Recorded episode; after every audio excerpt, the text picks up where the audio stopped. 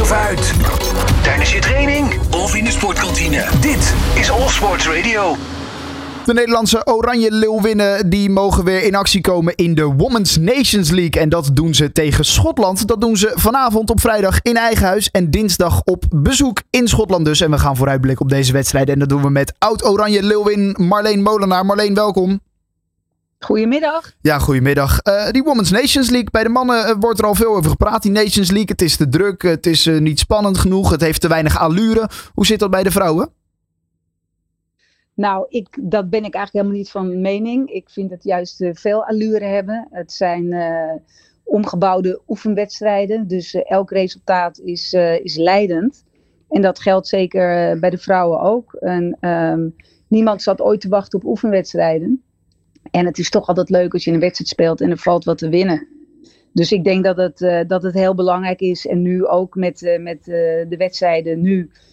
Um, je moet nummer één worden in de pool om je te kwalificeren voor de Olympische Spelen. Nou, dat, dat is nogal een uitdaging. Ja.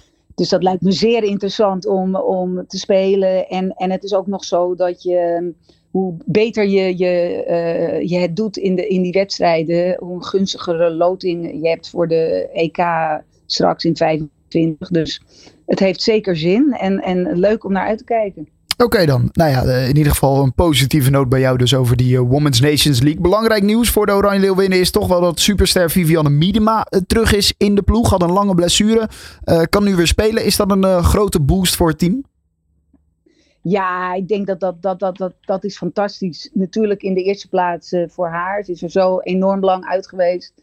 Uh, mis, uh, het WK gemist. Dat is natuurlijk verschrikkelijk als je dat op de bank thuis moet gaan kijken.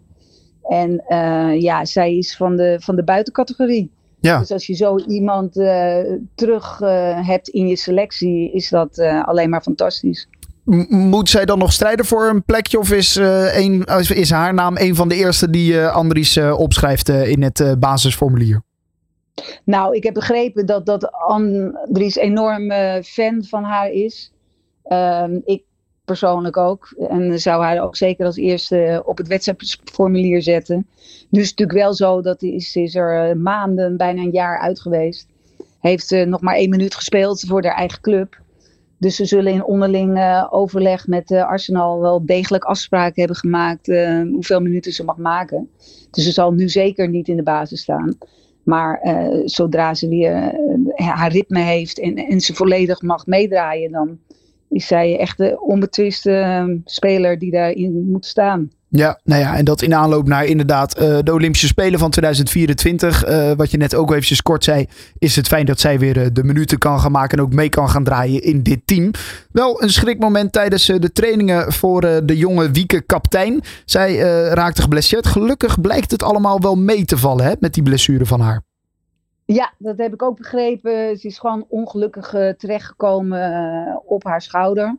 En dat is heel pijnlijk. Ze heeft weer meegetraind. En, maar ja, goed, het is, uh, het is nog de vraag ja, hoeveel last ze daarvan heeft natuurlijk. Bovendien is zij natuurlijk geen, uh, geen onbetwiste uh, basisspeler. Nee. Uh, dus ja, dat, uh, nou, we zullen zien hoe dat, hoe dat gaat. En het is super dat ze er in ieder geval bij kon blijven. Ja, Danique Noordman opgeroepen door uh, bondscoach Andries Jonker dus. ook een jonge speelster. Is dat typisch aan die oranje leeuwinnen? Dat er altijd jonge en nieuwe talenten bij worden gehaald? Ja, nou, dat, dat denk ik wel. dat, dat zie je eigenlijk ook bij de mannen. er gaat altijd wel naar, naar, naar een eindtoernooi gaat er een, een, een jong talent mee. Uh, en dat zie je bij de vrouwen ook. Want ik zat eigenlijk te bedenken, als je spitsen was 16 geloof ik dat ze debuteerden. Dus dat gaat al heel lang terug. En uh, dus er zal altijd iemand uh, toegevoegd worden die, die gewoon heel jong is. Ja, toch ook wel goed. kan die jouw ervaring opdoen. Hoeft niet eens te spelen, maar door, door het trainen met nou ja, de andere grote sterren, zoals zo'n Vivianne Miedema. Dat is toch ja, ervaring die je allemaal kan opdoen. En die je later, waar je dan nou ja, weer zeker, de vruchten ja. van kan plukken. Nou, zeker. En je hebt dat eigenlijk in kort uh, verleden ook gezien met, met Belova, die toen als jonkie uh, erbij kwam. En, en Brugs natuurlijk en kaptein zelf. Dus dat zit wel helemaal in, in, uh, in de ideeën vanuit de KNVB, ja. Ja, een tweeluik tegen Schotland staat te wachten. Eén wedstrijd thuis, één wedstrijd uit. Wat kunnen we verwachten van die tegenstander Schotland?